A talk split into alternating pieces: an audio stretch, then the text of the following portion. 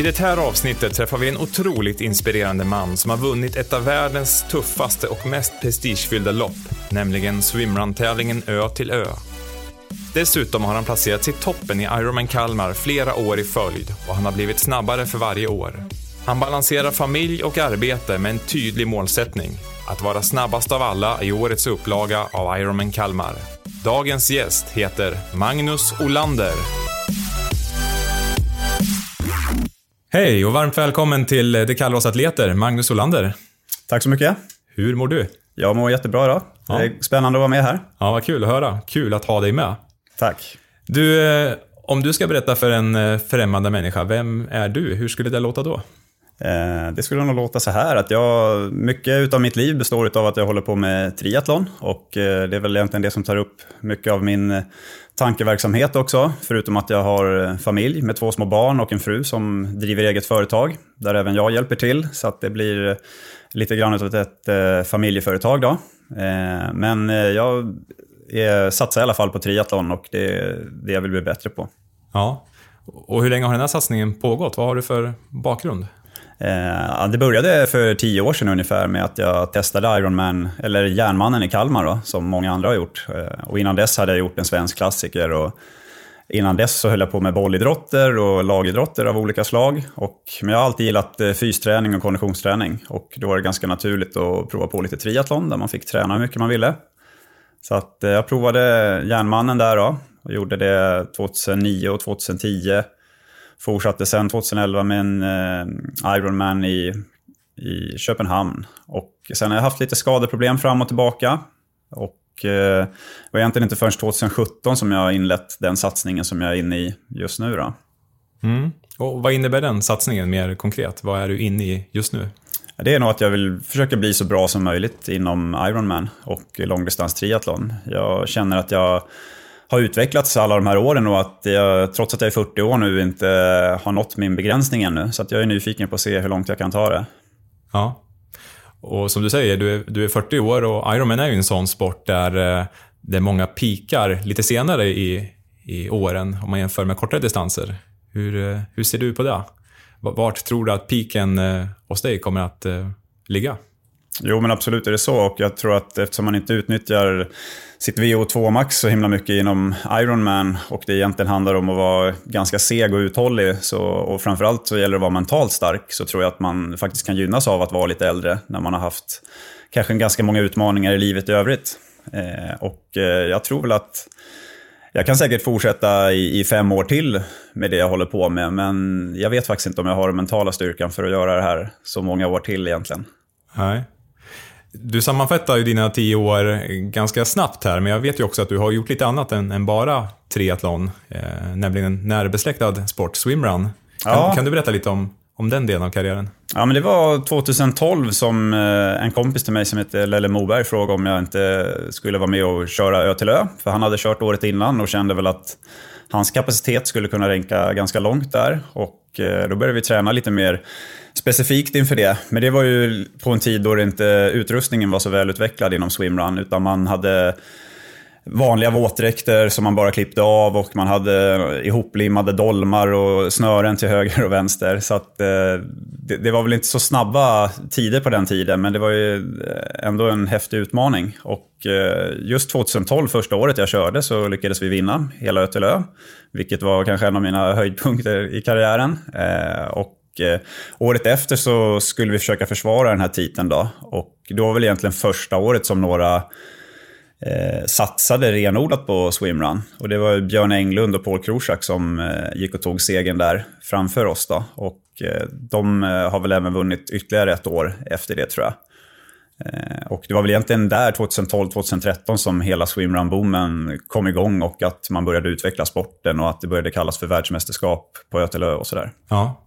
Inom eh, swimrun, då känner ju de allra flesta till just Ö till Ö, men kan du berätta lite, vad, vad är det här för någonting? Vad handlar det om?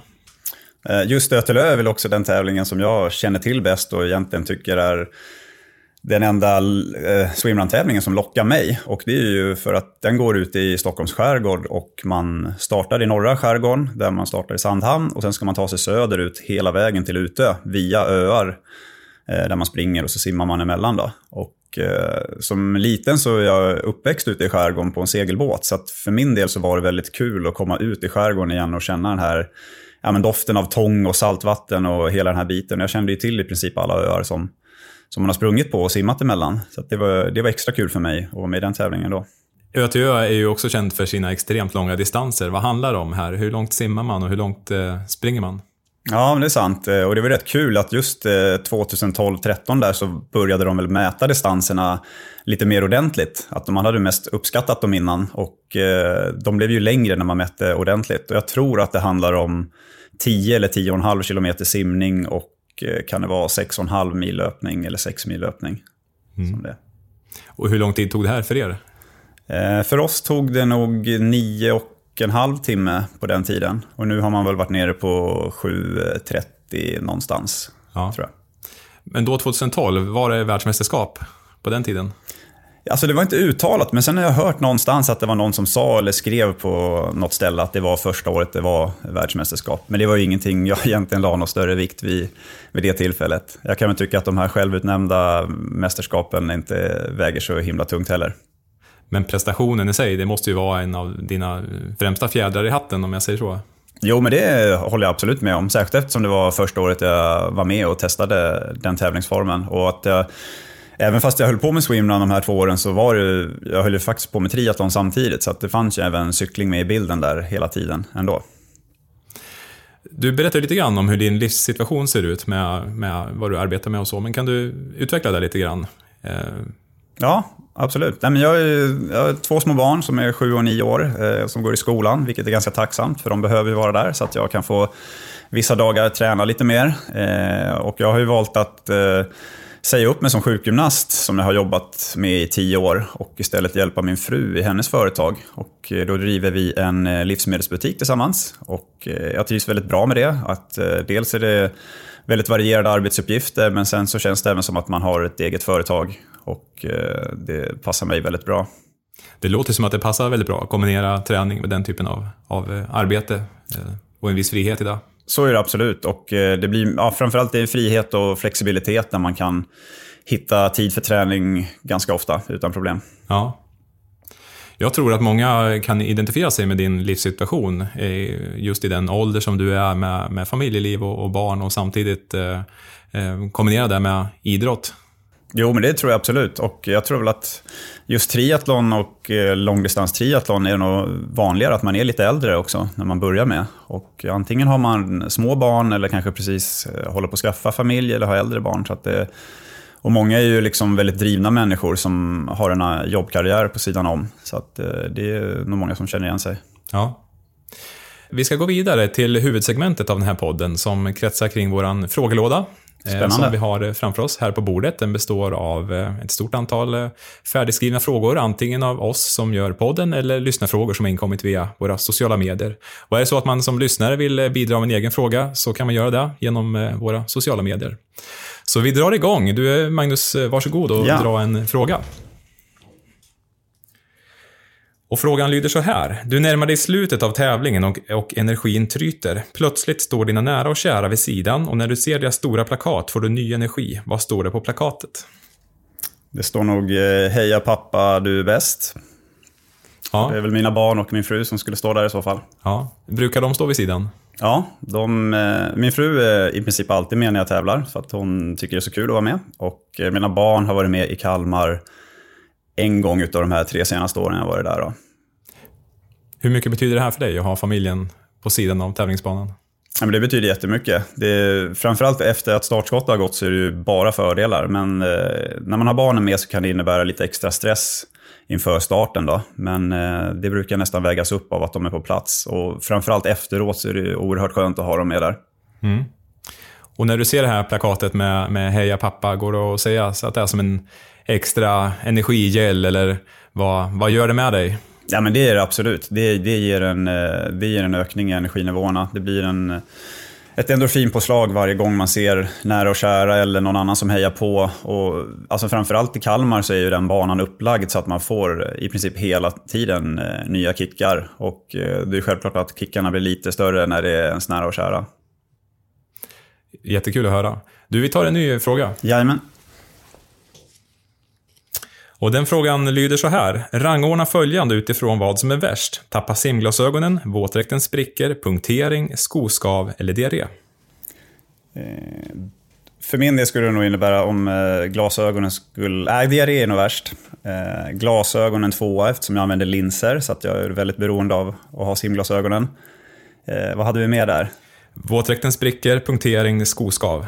Ja, skoskav har jag haft nästan varje gång, men det är ingenting som hindrar mig. Eh, sprucken våtdräkt har jag haft en gång och det, var väl inte heller så jobbigt. Så. Det kändes som att det läckte in vatten och att eh, det bromsade, men eh, det gjorde nog inte så mycket ändå på själva simtiden. Och sen var det, vad var det mer? Sen var det punkteringen. Punktering, ja det har jag faktiskt aldrig haft, peppar peppar, men jag bävar inför dagen, den dagen det kommer. Eh, men det skulle jag nog inte ha några större problem med. Jag tror jag skulle kunna byta den ganska snabbt. Jag har ändå haft eh, fem minuters penalty på, på cyklingen. Jag hade det senast i Kalmar så att jag, och det är också ganska stressande. Så att jag vet vad det innebär att få ett litet stopp. Och det är egentligen, det är egentligen bara att bita ihop och, och köra på igen och, och hoppas att eh, någon av de andra kanske har en dipp också. Och man kommer förmodligen kunna ta in de där minuterna man tappar på det. Okej, okay. och då tror jag alla undrar varför fick du en eh, penalty, alltså ett tidsstraff i Kalmar? Ja, det var väl en domare som uppfattade att jag låg lite för nära framförvarande cyklist då, eh, när vi cyklade i motvinden på Öland. Och jag fick aldrig någon eh, uppmaning om att backa bak eller någonting, utan han kom bara upp och drog kortet direkt, vilket jag nog anser var ganska felaktigt egentligen. Så. Man, det är ju ganska allmänt känt att man, att man ligger så nära som man själv tror är på okej avstånd. Men det är svårt att bedöma i den positionen som man är. Mm. Självklart kan man ta ett större säkerhetsavstånd, men det funkar nog inte riktigt så om man har höga ambitioner. Nej. Och eh, tillräckligt avstånd är i Ironman-sammanhang 12 meter? Ja, precis. Det är 12 meter om man mäter framhjul till framhjul. Då. Så ja. att, eh, det blir väl egentligen 10 meter till framförvarande spakhjul. Mm. Och det här innebar för dig att du fick stå stilla i fem minuter? Ja, precis. Och det var ju redan på första penaltystationen som jag fick stå stilla. Och det var ju ganska frustrerande med tanke på att det är egentligen där eh, cykelloppet kan sätta sig lite grann. Jag hade precis kommit ifatt mina närmsta konkurrenter med Claes Björling och eh, då var det liksom dags att ställa sig och stå still. Så där fick man ju lägga om hela loppet egentligen, vilken, eh, vilken strategi man skulle ha. Och det var, då handlade det egentligen bara om att, att försöka hitta mitt eget tempo för att kunna springa så bra som möjligt. Men det visade sig senare att jag ändå höll samma avstånd till, till just Claes Björling då, som jag visste var den eh, största konkurrenten. Och det var ju även han som var först av alla age-groupers i Kalmar. Då. Så att, eh, jag höll samma avstånd som honom, så det var egentligen bara att cykla på i det tempot jag höll. Och sen så hoppas på att löpningen skulle vara bra. Men att råka ut för det här som du gjorde och stå stilla då i fem minuter, luften måste ändå ha gått lite ur dig. Eller vad hände rent mentalt? Jo, men det, absolut. Den, den, gör ju det. Och det, egentligen har ju, jag, jag, har egentligen två val. Och det är ju, ja, jag kan vara sur över det. Jag kan ju kliva av banan om jag vill. Eller göra ett lopp där jag egentligen struntar i att prestera. Men jag valde istället att eh, jag gör det bästa av situationen. Och det är egentligen så jag är lagd ganska mycket. Att man får alltid göra det bästa av det man har. Och det var ju egentligen att ja, men cykla mitt eget lopp och sen så försöka springa så bra som möjligt. För jag hade tränat eh, extra mycket löpning inför det här året. och... Eh, ville verkligen göra en bra löpning. Och det var ju egentligen det jag lyckades med bra. Jag, jag satte min bästa löptid eh, någonsin. Liksom och, och, det var ju helt klart rätt beslut att verkligen bita ihop och ta sig mål. Ja. Det här var ju då i Kalmar 2019 och ska vi prata lite tider, vad slutar cyklingen på? Ja, cykeltiden slutar på 4.39 om jag inte minns fel. Med då, det här fem minuters tillägget? Ja, precis. Så skulle ja. man bara dra av dem rakt av så skulle det väl landa på 4.34 någonstans. Men jag, jag, vet inte, man kan väl kanske inte ärligt säga att det är fem minuter eftersom man ändå får stå och vila benen. Så att någonstans så kanske det handlar om netto två och en halv, tre minuter skulle jag kunna tänka mig. Ja, och du gjorde en, en väldigt bra löpning sa du. Vad, hur fort gick det? Ja, den, jag var ju precis över tre timmar där, så det var tre timmar och elva sekunder, vilket var lite surt, men samtidigt så hade jag lyckats med löpningen precis på det sättet som jag, som jag hade tränat för och som jag verkligen ville. Och jag höll två, två jämna halvmarer där, så att jag sprang i princip jämn fart hela, hela vägen. Så att det var jag supernöjd med. Ja, och då fortsätter vi med tider. måste vi veta vad du simmar på också.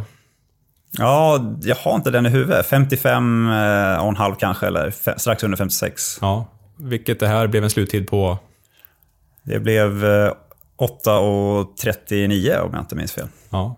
Och det var inte speciellt många som var snabbare än så 2019. Eh, Nej, precis. Det var ju Claes Björling då som var, han var tre minuter före mig. Så eh, vi hade nog varit väldigt jämna om jag inte hade haft den här penaltyn. Och sen så var det någon tysk eh, som jag faktiskt inte har så bra koll på. Eh, han var väl kanske en och en halv minut före mig. Och jag hade väl egentligen ingen ärlig chans att, att lyckas ta någon av dem på löpningen. Utan jag, det blev ganska mycket mitt eget lopp och körde så snabbt som jag bara kunde. Ja. Och placeringsmässigt? Alltså då var jag, jag blev ju tvåa i min age-group eftersom Claes är samma, men trea totalt av alla age-groupers då. Vilket känns bra. Mm, fantastiskt. Grattis. Ja, tackar. Du, vi går tillbaka till frågelådan och tar en ny lapp. Jajamän. Du får 10 minuters försprång någon gång under en Ironman-tävling. När lägger du in försprånget för att disponera det som bäst? Oj, det var en ganska bra fråga. Eh, det skulle nog vara ja, en ganska bra bit in på löpningen egentligen. För att det är väl där det blir som jobbigast. Kanske efter 30 km på löpningen skulle vara lämpligt. Så det beror på lite grann vilka konkurrenter man har också och eh, vilken taktik man tänker att de skulle köra med. Att, men generellt så skulle jag nog ha sagt eh, efter 30 km på löpningen. Är det då det som är eh, allra mest jobbigt, eller vad handlar det om? Ja, därifrån är det ju egentligen bara att kriga sig in i mål. Och man har ju det är mental trötthet och det är fysisk trötthet och energin börjar tryta och ja, sådär. Så att, samtidigt så är man ju på väg, man räknar ju fortfarande ner mot mål så att det, mentalt är det ju skönt för varje kilometer som man tickar av där.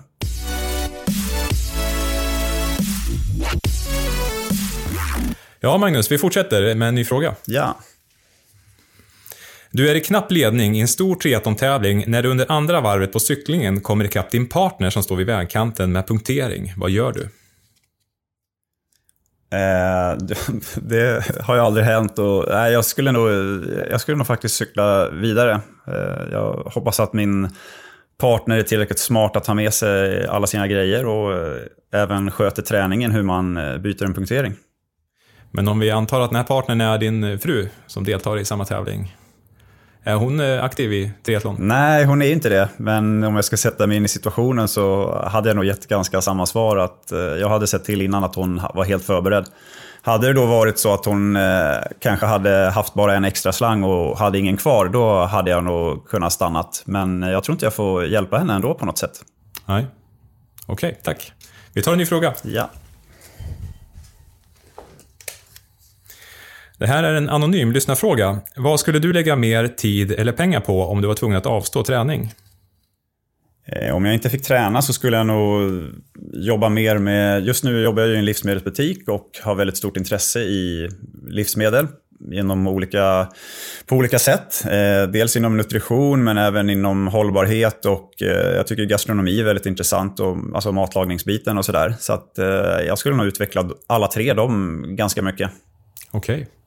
Kommer ditt intresse genom eh, utbildning eller är du självlärd och Ja, nutritionsbiten går väl lite hand i hand med min utbildning som sjukgymnast eftersom jag haft stort intresse inom idrottsmedicin då, och inom fysiologi. Så att, eh, men eh, när det gäller gastronomi så är det väl självlärt och inom hållbarhet så är det nu de senaste tre åren då, som jag har jobbat, inom, eller jobbat med livsmedel då, som mitt intresse för det har väckts. Är det du som lagar maten hemma? Nej, det är, vi, vi, delar på det, men min fru är väldigt duktig på att laga mat. Så att, eh, det blir väl att hon lagar lite mer och eh, är duktig. Men eh, i och med att jag kanske tar hand lite, om barnen lite mer än vad hon gör så lagar jag väl vardagsmaten kanske lite mer än henne. Ja. Eh, man måste ju anta att du lägger din egen nutritionsplan när det kommer till tävling och har bra koll på, på ditt eget intag. Ja, nej men det gör jag. Eh, jag kan väl inte säga att det är en så här jättenoggrann plan som jag har och att jag måste hålla den jättenoggrant. Men eh, jag försökte läsa på en del och jag brukar även blanda egen sportdryck. Där jag försöker att göra den så stark som möjligt. För jag märker att jag jag behöver kissa väldigt mycket under tävling och jag klarar av att blanda väldigt stark sportdryck. Så att jag, jag försöker egentligen blanda den så starkt som jag kan och sen så försöker jag dricka så mycket som rekommenderas att man bör göra per timme och så mycket som kroppen egentligen klarar av att ta upp.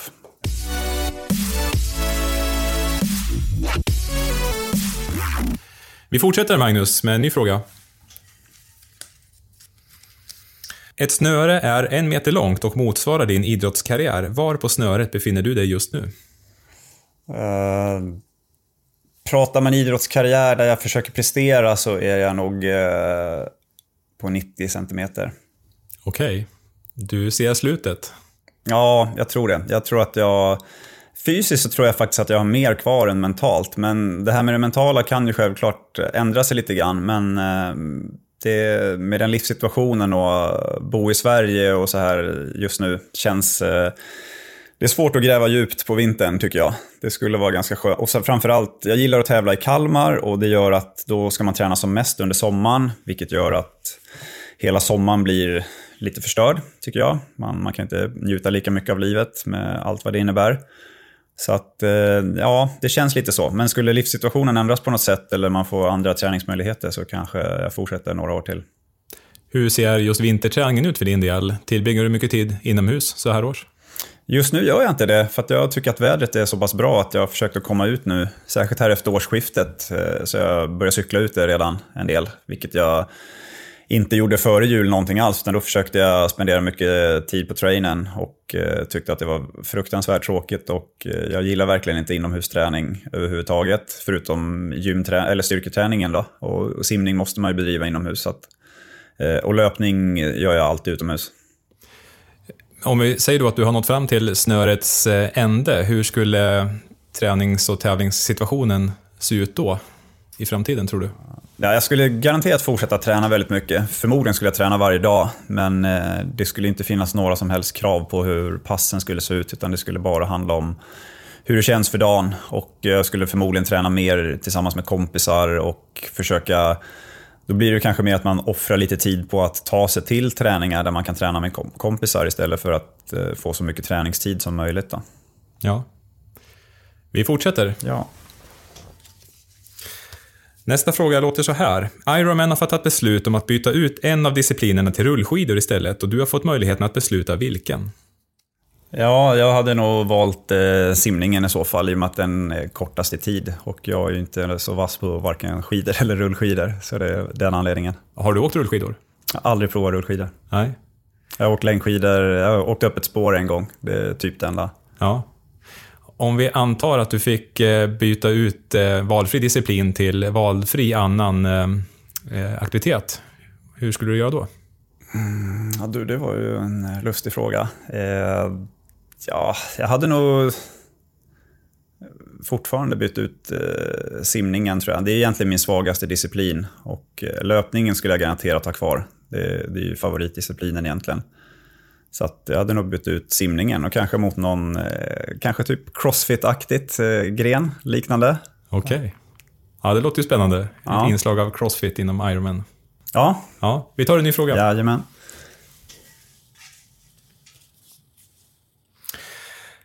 Du ska resa utomlands för att deltaga i en tävling. På flygplatsen visar det sig att ditt bagage är för tungt och du måste ta bort något för att hamna under viktgränsen. Vad kan du tänka dig att lämna hemma och vad måste du absolut ha med dig på resan? Skulle jag iväg och tävla här eller? Ja. Uh, nej, jag hade nog kunnat kapa någonting från uh, necessären garanterat. Jag hade säkert kunnat tagit bort några reservgrejer till cykeln. Man hade med sig extra slangar eller saker som man ändå kan köpa på plats. Eh, men när det gäller liksom tävlingsutrustningen så hade jag väl inte tagit bort någonting alls. Den hade jag verkligen sett till att få med. Mm. Men om vi antar här att det är tävlingsutrustningen som, som väger och att det är där du måste skala av? Mm, då hade jag nog... Ja, skorna hade jag nog kunnat offrat i så fall. Okej, okay. och springa barfota? Nej, alltså, verkligen köpa, inte. Men köpa, nya... Köpa, köpa, nya på plats, för det tror jag att jag är ganska bekväm med. Liksom. Ja. Och vad måste du ha med dig till varje pris? Jag skulle nog definitivt vilja ha den dräkten som jag hade kört i. För det, jag är väldigt noga med att uh, se till att testa att den dräkten jag ska köra i, att den sitter bra och inte skaver på några konstiga ställen. Pratar vi om våtdräkten då? Eller? Nej, ja, det är själva tridräkten då, som, ja. som man cyklar i. Och, och så. Våtdräkten är i princip alltid ganska tränad. Så det är nog inga större problem med den, skulle jag vilja säga. Ja, intressant. Mm. Jag hoppas att du inte råkar ut för det här eh, dilemmat.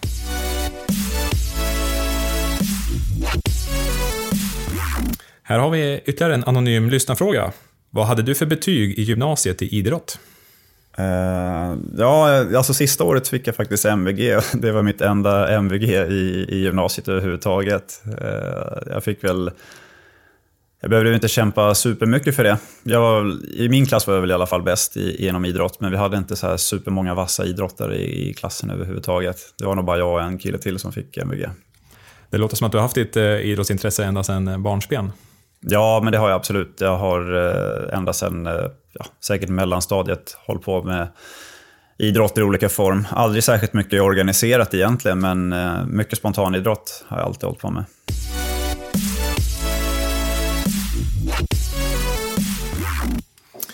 Den här frågan lyder så här. Du har beslutat dig för att skriva en bok. Vad blir titeln och vad kommer den att handla om? Oj, eh, det har jag faktiskt funderat någon gång på när jag varit ute och cyklat. Men det, det går ganska mycket tankar genom huvudet när man cyklar långt och själv. Men eh, jag har tänkt så här, skulle man skriva en bok om hur det är att vara triathlonpappa eller vad man ska kalla det, men hela det här med livsstilen och försöka berätta för folk hur man skulle kunna kunna ändå lyckas med en idrottslig karriär och eh, ändå ha familj. Och den skulle nog heta typ eh, Gör det bästa av det du har, eller något sånt där. Ja, vad intressant. Och jag tror att många funderar just kring det här. Man har, har eh, tankar på att kanske göra sin första Ironman och livssituationen är lik den du har med familj och arbete och barn som vi har pratat om. Vad, har du några goda råd där? Vad är viktigast att tänka på när man ska göra en sån satsning som det innebär att göra en Ironman som förälder? Ja, absolut. Eh, det, först och främst så handlar det om det här med, man sätter ju upp sitt eh, huvudmål framför allt. Men eh, alltså det här med målsättning har säkert folk hört ganska många gånger hur man bör göra. Men ett stort huvudmål och sen så sätter man upp några delmål på vägen som man vet om att man klarar av att uppnå. De måste ändå vara någorlunda höga för att det ska kännas stimulerande. Och sen så är det det här med att de ska vara synbara och mätbara och den biten. Så att, det det är egentligen bara att skriva ner målen och eh, sen börja jobba efter det. Men något viktigt att komma ihåg längs vägen som jag tycker det är att man, det kommer inte alltid bli som man tänkt sig. Och att lära sig att acceptera att man kanske måste vrida och vända på prioriteringar, på planering och inse att det är inga enskilda träningspass som kommer vara avgörande för eh, hur, hur ens eh, uppfyllning av målet blir. Då. Men vad tror du är den eh, största risken då för, för den som eh, gör sin första Ironman-satsning och är i en liknande situation som din? Man måste verkligen eh, inse vilken nivå är det jag ska satsa på inom det här och hur mycket tid kommer jag ha att lägga på det och vilka andra områden i livet vill jag försöka prestera på eller har jag ambitioner om. Jag tror inte att man kan ha ambitioner inom fem områden i livet, utan man kanske måste skala ner det till tre. Så att har man eh, träning, familj och, och, jobb så går det säkert att få ihop bra. Men ska man ha... Sen finns det ju vänner och det sociala livet och det kanske finns någon som har ytterligare en hobby utöver triathlonet. Och då, då är det svårt att få ihop och vara liksom på topp inom alla. Då får man sänka ambitionerna på något område. Ja. Du pratar lite om eh, vikten av att ha en tydlig målsättning. Hur ser det ut för din del? Ja, nej men jag tror man måste sätta upp eh, det målet man vill uppnå med och vad det innebär för en. Eh, sen om det är tider eller om det är prestation eller genomförande kanske utav en Ironman, det, det är ju olika för folk. Men för min del så handlar det mycket om, eh, just nu då, nästa år i, i Kalmar så handlar det mycket om vilka tider jag vill göra. För nu har jag kört tre år i Kalmar och vet vad min kapacitet räcker till för tider där. Så att eh, egentligen har jag satt upp tidsmål rakt av där och hoppas att det räcker till en eh, placering som även är eh, först utav alla i mål. Då. Ja, det är en otroligt tydlig målsättning. Och just det som du berättar om nu kan man ju också se när man bläddrar i dina sociala medier att du framför din cykeltrainer på väggen har en lapp uppklistrad med just dina splittider som målsättning och där det också står nummer ett.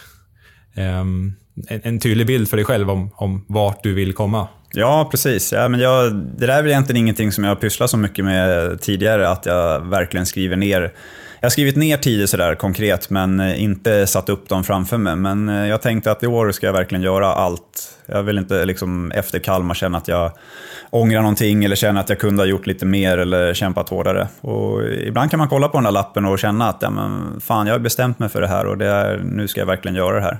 För det är inte alltid, alltid träningen går som på räls eller sådär. Så att...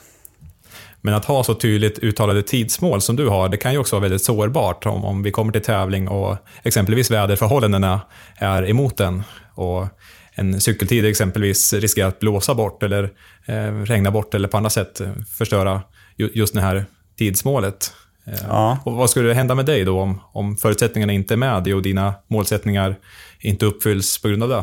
Nej, det där, alltså då, jag skulle justera ganska fort om det visade sig att vädret skulle ändra sig eller, eller någonting sånt. Jag skulle även kunna justera utifrån hur, hur dagsformen känns. Utan det där är tider som jag satt upp utifrån, om man tänker sig senaste tre årens förhållanden nere i Kalmar. De har ändå varit hyfsat stabila och eh, det har, liksom, det har nog aldrig regnat när jag varit där nere överhuvudtaget. Det kan vara lite stökigare simning möjligtvis som gör att man tappar någon minut där. Men det, det, det måste man ha med i beräkning och det är ingenting som man kan som man under loppet kan hålla på och fundera över. Utan det, det, det är egentligen bara att köra på. Och du pratar om att bli nummer ett och just i år 2020 så är det ett år utan herrproffs. Det är ju så att i Kalmar så har man ett system med varannat år damproffs och varannat år herrproffs. Och när du pratar om att bli nummer ett, då pratar vi om att vinna Ironman Kalmar. Ja, precis. Det är, det är hela tanken med det hela. Att jag, vill, jag vill ju vara först i mål. 2018 så var jag tvåa i mål och eh, jag låg ju i ledning tillsammans med eh, Martin Olsson som vann hela loppet. Eh, och jag hade ju egentligen inte ens gått in för att köra Kalmar. Jag anmälde mig väldigt sent till Kalmar det året och jag hade bra form, men jag visste liksom inte hur långt det skulle kunna räcka. Och jag hade väl aldrig ens tänkt att ja, men jag skulle kunna vara först i mål. Så den målsättningen fanns ju aldrig eh, under den tiden jag tränade inför det året. Då.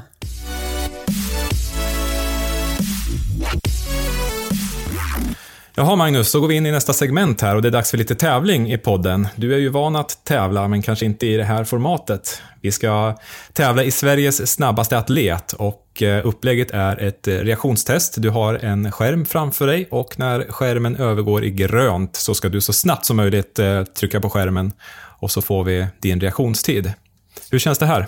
Okej, okay. ja men det är väl alltid lite nervöst när man går in i tävlingsmoment. Ja, du är ju van att stå på tävlingsbanan och tävla med nummerlapp. Det här är någonting annat. Ja, det är det verkligen. Egentligen har jag väl eh, inte så mycket för att tävla i sånt som man inte får träna i, men det, vi får se här. Det blir ja. kul. Du är ju helt oförberedd inför det här, men eh, vi ska ändå köra igång. Varsågod. Och du kommer att ha tre försök på dig, ska vi säga. Och här kommer det första försöket. Ja. Och då har vi ett resultat. Vi har 327 millisekunder i ditt första försök. Kör igen. Då kör vi andra försöket. Och där. 248 millisekunder, det var en klar förbättring. Och då har vi det tredje och sista försöket. Och då har vi 395 millisekunder. Ja, hur kändes det där Magnus? Ja, det var väl... Eh, ja, sista var inte så bra. Nej, men det kändes väl okej. Okay. Ja. Jag tror inte jag hade kunnat gjort så mycket bättre. Vi får se hur din tid står sig framöver mot andra atleter.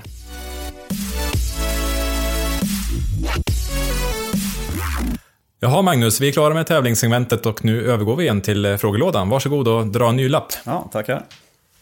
Och den frågan låter så här. Du blir erbjuden att bli coach åt den regerande Ironman-världsmästaren. Din årsinkomst kommer att tredubblas, men du kommer inte att längre att kunna tävla själv. Tackar du ja? Självklart. Okej. Okay. Hur tänker du då? Eh, ja, jag känner att jag har väl eh, lyckats göra tillräckligt mycket för att jag ska känna mig nöjd med min triathlonkarriär, om man får kalla det för det. Och eh, det skulle vara ett sjukt spännande jobb. Och, alltså om jag hade kompetensen för att vara coach åt den personen så skulle det vara jättehäftigt. Och det skulle väl även vara ett, ett bra framtid antar jag. Och då pratar vi, i alla fall på här sidan om Jan Frodeno som vann på Hawaii senast. Det vore en eh, hygglig merit att bli coach till eh, Frodeno. Ja, det hade det definitivt varit. Och rent inkomstmässigt som du nämnde så hade det väl varit ganska fördelaktigt också. Ja. Eh, har du tankar efter din egna aktiva karriär att på något sätt engagera dig i triathlon?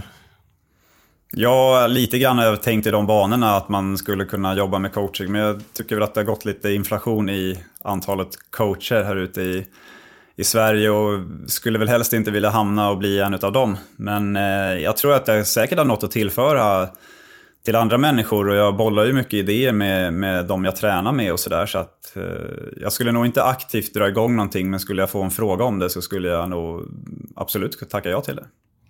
På tal om coach, har du någon eh, som coachar dig?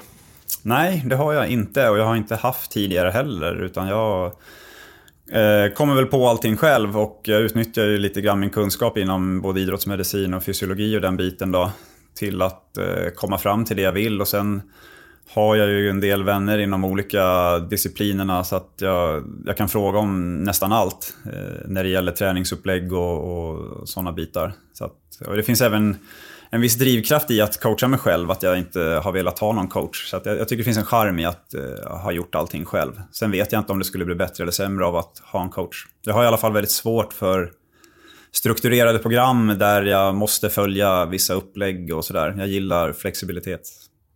Men har du någon form av schema, ett veckoupplägg eller ett månadsupplägg till och med? Eller hur, hur ser det ut i praktiken? Nej, inte. Alltså jag har, jag har inget ner, ingen nedskriven planering. Jag har jobbat med det lite grann förut. Jag kan väl göra det från vecka till vecka om det, jag känner att ja, men nu skulle jag vilja ha en vecka eller två veckor där jag gör riktigt bra jobb. Och då kan jag skriva ner och planera lite noggrannare utifrån hur övriga livet ser ut. Annars så brukar det väl vara att jag vill gärna få in eh, tre, fyra pass utav varje disciplin varje vecka. Och sen prioriterar jag oftast eh, ner en av disciplinerna under vissa perioder. Och, och, kanske lägger lite mer fokus på två stycken. Så att just nu har det varit lite mer cykel och simning och lite mindre löpning. Men sen kommer det förmodligen övergå i cykel och löpning och dra ner lite mer på simningen. Hur ser du på styrketräning? Är det någonting du ägnar dig åt? Ja, det har jag ägnat mig åt under egentligen hela min karriär inom triathlon. Och eh, jag har styrketränat ganska mycket som ung också. Så att den, den biten eh, har jag verkligen tagit med mig in i triathlon och känner att det är både viktigt för att hålla ihop eh, kroppen och förebygga skador. Men även faktiskt få kroppen att läka lite bättre. Jag tror att ganska tung styrketräning gynnar den hormonella balansen i kroppen och gör att man återhämtar sig lite bättre. Vi fortsätter med en ny fråga. Ja. Då har vi en fråga från en tidigare gäst, nämligen KJ Danielsson. Och han eh, frågade det här. Du, har du blivit framgångsrik och lyckats inom din idrott på grund av att du tycker om aktiviteten, det vill säga träna, och det i sin tur har fått framgång? Eller har idrotten hittat dig för att du är duktig på det och du har kunnat bygga en framgångsrik karriär inom idrotten?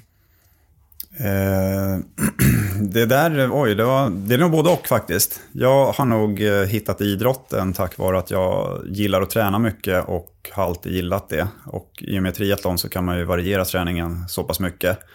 Sen tror jag väl att jag har ganska bra genetiska förutsättningar för triathlon. Eh, jag har ett hyggligt syreupptag och jag Tittar man på liksom längd och vikt så, så ligger jag ganska bra till. Jag är 1,80 lång och det verkar vara rätt många duktiga triatleter som ligger runt 180 cm och har ungefär den kroppsvikten som jag har. Sen eh, finns det väl det här med biomekanik och skadegrejer som, som jag inte alltid har haft så mycket gynnsamhet inom. Jag har haft en del skadeproblematik genom åren. Okej. Kan du berätta lite mer om skadeproblematiken? Vad har det handlat om? Ja, det har väl framförallt varit mina hälsenor som, som har strulat en hel del. Och eh, det har egentligen varit så ända sedan jag började med, med långdistans överhuvudtaget. Att, att jag får eh, överbelastningsproblematik i dem. Och eh, jag har även behövt lägga ner en hel säsong på grund av att det, att det gick för dåligt med dem helt enkelt. Men nu har jag rätt bra balans på det. Men man kan säga som svar på frågan så är det det förstnämnda att du har blivit framgångsrik tack vare att du tycker om träningen och att eh, dina framgångar har kommit eh, till följd av det. Ja, det, det, det, kan man absolut säga. Jag tror definitivt att jag hade kunnat ägnat mig åt en annan typ av uthållighetsidrott och varit ganska skaplig där. Vi tar en ny fråga. Livet förändras och plötsligt har du bara möjlighet att träna fem timmar i veckan. Hur använder du tiden? Eh, ja, jag hade väl eh, försökt att eh, träna, eh, sprida ut över veckan så bra som möjligt. Att träna korta pass, lite högre intensitet. Och eh, skulle det fortfarande vara triathlon så hade jag nog kört alla grenar eh, lika mycket, tror jag. Låter fem timmar lite i dina öron? Eh, alltså inte superlite, för att eh, vissa perioder på året så blir det faktiskt inte så mycket mer än fem timmar. Jag tror att jag i snitt över året ligger mellan, eller på 10 timmar. Men där kan det då vara ett spann mellan 5 och eh, 20 timmar. För att 20 timmar blir det oftast på sommaren när man får in mycket volym i cyklingen. Annars så blir det inte så många träningstimmar faktiskt. Okej, ny fråga. Då har vi ytterligare en anonym lyssnarfråga. Hur yttrar sig din skrockfullhet i samband med träning och tävling? Uh, jag är inte alls eh, skrockfull egentligen. Jag har nog aldrig varit heller. Så att det är inget jag lägger någon direkt tankeverksamhet på. Men har du några särskilda rutiner så inför en tävling? Ja, absolut. Det är, alltså vissa grejer, man har väl som en checklista i huvudet som, som man behöver gå igenom. Och, eh, som om vi tar Kalmar nu då, till exempel så är mina rutiner oftast att jag vill bo någonstans där jag kan laga egen mat eh, som jag tar med mig, som jag har ätit hemma. Jag testar aldrig någon ny mat när jag är iväg på tävling. Eh, på morgonen ser rutinerna likadana ut eh, med att jag liksom, ja, man, man går till cykeln i växlingsområdet och kollar av den. Och sen brukar jag alltid gå igenom i huvudet hur jag kommer att komma in i växlingsområdet och hur jag kommer ta mig ur på cykeln och hur jag kommer tillbaka på cykeln och ut på löpningen. Sådär. Bara för att det, där, det ska gå per automatik då när man väl, när man väl kör. Mm. Okej, okay, vi tar en ny fråga. En nybörjare som saknar all utrustning men vill genomföra en Ironman frågar dig om hur den ska disponera sin budget på 20 000 kronor. Uh, se till att ha en uh, tempocykel framförallt, där du sitter i en aerodynamisk uh, sittställning. Och uh, försök egentligen, alltså det går ju att låna en del utrustning så att man kan komma hy hyggligt undan där med budgeten. Men eh, för 20 000 så skulle du nog kunna få tag i en hyfsad cykel, begagnat i alla fall, som är ganska bra rent aerodynamiskt. Och sen eh, våtdräkt går ju också att hitta begagnat för ganska lite pengar. Men eh, det bör ju definitivt vara en våtdräkt som är en av de lite snabbare och kanske har bra flytkraft och eh, sitter bra på kroppen. Mm. Och om vi har pengar över efter det? Eh, ja, det går vidare inom aerodynamiken på cykeln. Att eh, dels försöka ha ett par bra hjul, eh, bra däck och en aerohjälm då, allra helst. Mm. Hur är det för din del? Är det viktigt med, med den senaste utrustningen och ha, ha riktigt bra grejer inför lopp? Ja, jag tycker att det är viktigt. Däremot har jag väl inte varit så mycket för att ha det senaste, utan jag har väl mest försökt säkerställa att jag har eh, utrustning på en nivå som är bland de bästa. Sen eh, behöver det inte vara det senaste. Eh, jag har läst på, försökt läsa på hyfsat mycket och även ta tips från andra som är duktiga inom, inom den biten, framförallt med cyklingen. Då. Att vilken vilken hjälm man bör ha, vilka hjul som är lämpliga och vilka däck man ska ha och drivlina och sådana bitar. Om vi går tillbaka till cykeln så är ju en vanlig nybörjarfråga, ska jag köpa en tempocykel eller ska jag köpa en racercykel med tempopinnar inför min första Ironman? Vad skulle du säga där?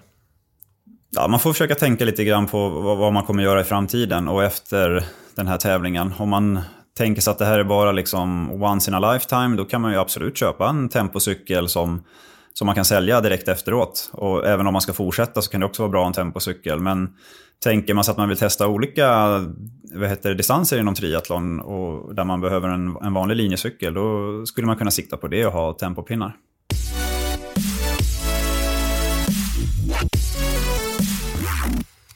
Vad skulle vara den bästa komplimangen du kan få, antingen för dig som idrottare eller för dig som person? Eh, den bästa komplimangen? Eh, ja, det är väl att jag... Om någon, alltså det skulle kunna gälla inom både idrott och, eller en träningskompis eller en, en, en vanlig person. Och, eh, men att jag inspirerar dem att vilja bli en bättre person kanske. Jag skulle nog inte vara så mycket kopplad till mina prestationer eller liksom hur jag är, utan mer att jag kan bidra till att någon annan vill bli bättre. Mm. Och som du sa, att vara en inspirationskälla Ja, precis. Och det är, väl, det är väl också en del av all min träning och att man kanske försöker dela med sig via någon sociala medier. Så det är ju framförallt för att kunna inspirera. Det är inte för att egentligen skryta eller någonting sånt där, utan det är bara inspiration. Brukar du få höra det här, att du inspirerar? Inte överdrivet mycket, men lite då och då. Och särskilt i samband med liksom i tävling och när man, eh, när man lägger upp någonting som är kopplat till tävling och resultat. Så där. det är jättekul att höra det. Att jag har ju och själv på samma sätt liksom följt många av de svenska triatleterna sen jag började. Liksom. Det har varit superinspirerande. Och det där är ju framförallt, det är jättekul med, med Claes Björling, att han och jag, vi tampas liksom lite grann på samma, samma nivå just nu. Och han är ju en av mina största förebilder inom triathlon. Och jag har följt hans karriär både liksom innan han fick problem med överbelastningsträning och när han gjorde comeback och, och den biten. Så det, det är ju superkul. Och förutom Claes Björling, har du flera inspirationskällor? Ja, absolut. Det finns väl de som är aktiva inom, inom triathlon nu på, på liksom den högsta världsnivån. Som ja, men allt från Javier Gomez och bröderna Brownlee och eh, de bästa på Ironman-distansen som är ja, men Jan Frodén och, och Sebastian Kienle och de här. Det försöker ta lite grann ifrån, från alla personer, liksom hur de resonerar kring träning och, och det här med utrustning och hela den biten.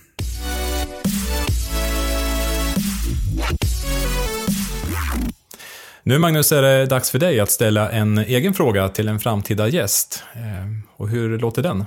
Ja, då får det väl bli att eh, hur tänker du kring eh, din vardagliga nutrition och eh, hur du äter? Hur stor roll tror du att det spelar in på dina resultat eller din, din prestationsförmåga? Ja, vilken intressant fråga. Hur skulle du svara på den för egen del? Eh, jag skulle nog svara på att det är en väldigt viktig del av min, eh, min prestation och, och, hur jag återhämtar mig.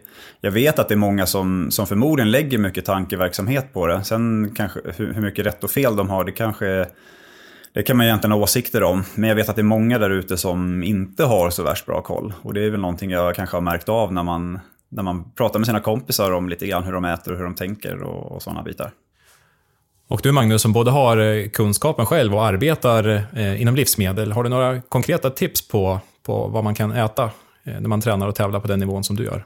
Ja, det, alltså det går ju väldigt, man kan ju egentligen dela upp mat och sådär i, i olika grenar. Men om vi bara tänker oss liksom nutritionsbiten just nu, vi struntar i etik och vi struntar i hållbarhet egentligen, även om man naturligtvis ska försöka få in de bitarna också.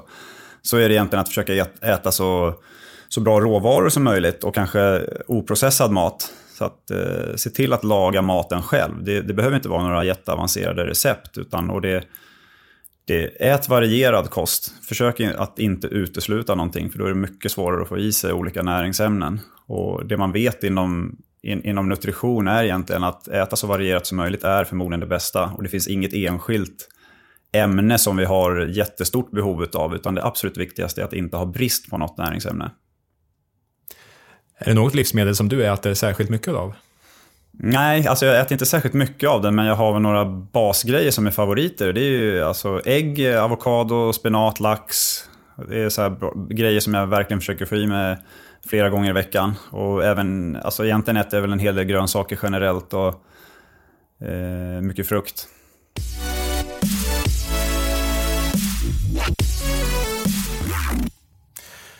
Jaha Magnus, då är vi framme vid fem snabba frågor och du kommer att få två alternativ och du får välja det ena eller det andra och du får inte möjlighet att utveckla dina svar. Ja, tack för att göra det så svårt för mig. Ja, känner du dig redo? Ja, det är bara att köra. Vatten eller sportdryck? Vatten. Motvind eller regn? Motvind. Snygg eller snabb? Snabb. Diarré eller kramp? Kramp. Skoskav eller skrevskav? Skoskav. Tack. Var det svårt? Nej, det var inte jättesvårt. Men eh, ja, det, det, är alltid svårt. Man, man vill utveckla det man säger. Samtidigt betyder det kanske inte jättemycket, svaren.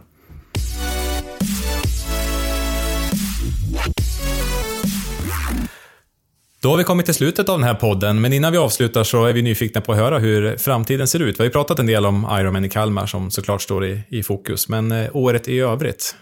Ja, det har jag faktiskt inte spikat några tävlingar ännu, men målet är väl att försöka få in i alla fall minst en halv Ironman-tävling. Och det kan bli, antingen blir det nere i Helsingör eller så blir det SM i, i Vansbro som jag kommer köra. Förhoppningsvis så lyckas jag klämma in ytterligare en tävling lite tidigare och eventuellt att jag åker utomlands då och, och kör. Vi får se lite grann, det är in, ingenting spikat. Men jag har eh, klarat mig ganska bra utan att, att behöva tävla så mycket inför Kalmar. Så att det är ingenting jag känner att jag absolut måste göra. Utan det är nog snarare att jag vill utnyttja att man har tränat så pass mycket och passa på att tävla. För jag tycker det är väldigt kul att tävla. Ett stort lycka till med eh, säsongen. Om man vill eh, följa dig, hur gör man det på bästa sätt? Eh, vill man följa mig så är det nog min Instagram där jag egentligen uppdaterar lite grann kring min träning och mitt övriga liv. Och då får man gå in på Olander Magnus och söka på det. Tack. Och innan vi tackar för idag, är det någonting annat som du skulle vilja lyfta fram nu när du har chansen? Ja, men då skulle jag nog vilja tacka min fru Sofia som alltid ställer upp och låter mig hålla på med den här sporten och eh, stöttar mig i det jag gör. Och även mina barn naturligtvis som är med på tåget. Eh, och sen den övriga familjen som självklart hjälper till när man, när man ber om hjälp där. Och eh, sen kan jag väl passa på att tacka min sponsor, Keywent Öst, som finns nere i Kalmar. Som ska hjälpa mig mot min lite högre målsättning här i år. Stort tack Magnus Olander för din medverkan i The Carlos Atleter och ett stort lycka till med din framtida karriär som triatlet. Tack så mycket och tack för att jag fick komma hit och vara med i podden. Följ gärna De kallar oss atleter på Instagram och Facebook där du även kan skicka in dina egna frågor till frågelådan. Podcasten De kallar oss atleter görs av mig, Mikael Kjellander och producent Tim Nordlöf genom Oddesty AB.